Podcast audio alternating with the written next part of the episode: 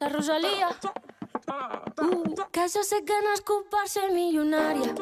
Com si ploguessin sant els bitllets pels aires. Un dia per Mumbai i el següent a Malta. Bon dia a tots els oients de la Ràdio Badrona. Al programa d'avui ens trobem amb uns alumnes de quart d'ESO, el Mario, l'Ariadna i jo, la Judit, i parlarem d'un tema molt important d'economia. Heu de saber que hi ha la possibilitat que en algun moment de la nostra vida no tinguem prou diners per fer front a un problema, per començar un negoci, per adquirir un bé, un servei... En aquests casos, podem optar per endeutar-nos i així cobrir les nostres necessitats financeres. Tens raó, Ariadna, però hem de tenir en compte que l'endeutar-nos tenim un deute, que és la quantitat de diners que una persona, empresa o país deu a una altra. I ara, Mario, ens pots parlar sobre els préstecs? I tant, quan ens endeutem, demanem un préstec de diners que haurem de retornar. Per una banda, tenim el préstec raonable, el, que, el qual fem servir per comprar coses necessàries, com per exemple seria demanar un préstec o comprar una casa o un cotxe.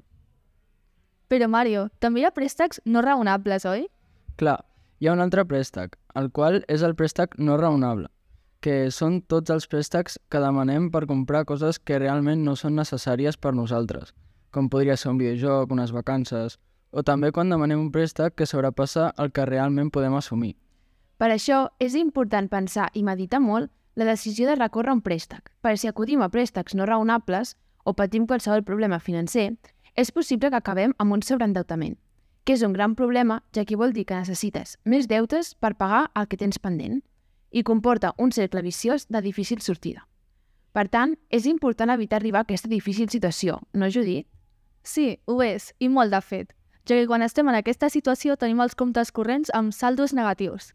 Això s'anomena estar al descobert, és a dir, que els comptes estan en números vermells. Aquesta és una situació perillosa i que pot sortir enormement cara. Per això s'han de retornar els diners al banc com abans millor. Sí, finalment decidim demanar un préstec, és important tenir en compte els diferents tipus de préstecs que existeixen per escollir aquell que més s'ajusta a la nostra situació. Noies, ens podeu fer 5 cèntims dels principals préstecs que existeixen? I tant, un dels més freqüents és el de la targeta de crèdit. Amb aquesta targeta les compres es van acumulant fins al final de mes, quan tots els diners es descompten a la vegada. Si el saldo és insuficient i ens quedem en números vermells, haurem de demanar un préstec al banc. Després tindríem el préstec personal. En aquest cas, es negocia amb el banc i es va tornant a través de quotes. Les condicions del préstec dependran del banc. És una bona opció pels préstecs més elevats. Aquesta, aquests serien els més tradicionals, però hi ha mètodes alternatius que han aparegut fa poc. Mario, ens ho expliques? És clar, aquests préstecs s'anomenen finançaments alternatius.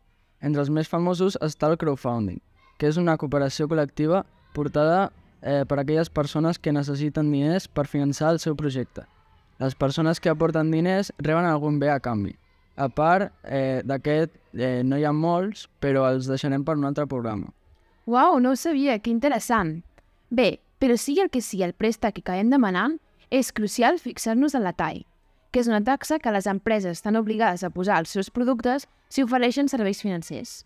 Exacte, Ariadna. La TAE és una de les eines més importants quan volem comparar préstecs, perquè té en compte les comissions, el període, l'interès i el reflex del cost del deute. Ens hem de fixar perquè una TAE més baixa implicaria uns costos menors. Tota la raó, noies. Però quan vulguem triar un préstec, que no és l'únic factor que hem de mirar, ja que també hi ha altres factors importants, com ara el tipus de préstec i el termini que et proporciona. I també ens caldrà tenir en compte algunes de les compensacions que ens obliguen a contractar perquè ens eh, poden pagar més del que tenim pensat. Per últim, és rellevant tenir en compte que si arribem en una situació on no podem retornar els diners, haurem d'anar a negociar amb el banc per tal d'arribar a una decisió que benefici a les dues parts. És clar, Judit, ja que no és gens recomanable fer el contrari i no fer res per arreglar-ho, perquè pot acabar en una situació molt complicada. També és possible que el banc consideri que la persona que demana el préstec no estigui en la situació òptima per retornar-lo. Si és així, es demanarà que hi hagi un avalador, eh, que és qui haurà de pagar els deutes en cas de que aquella persona no pugui.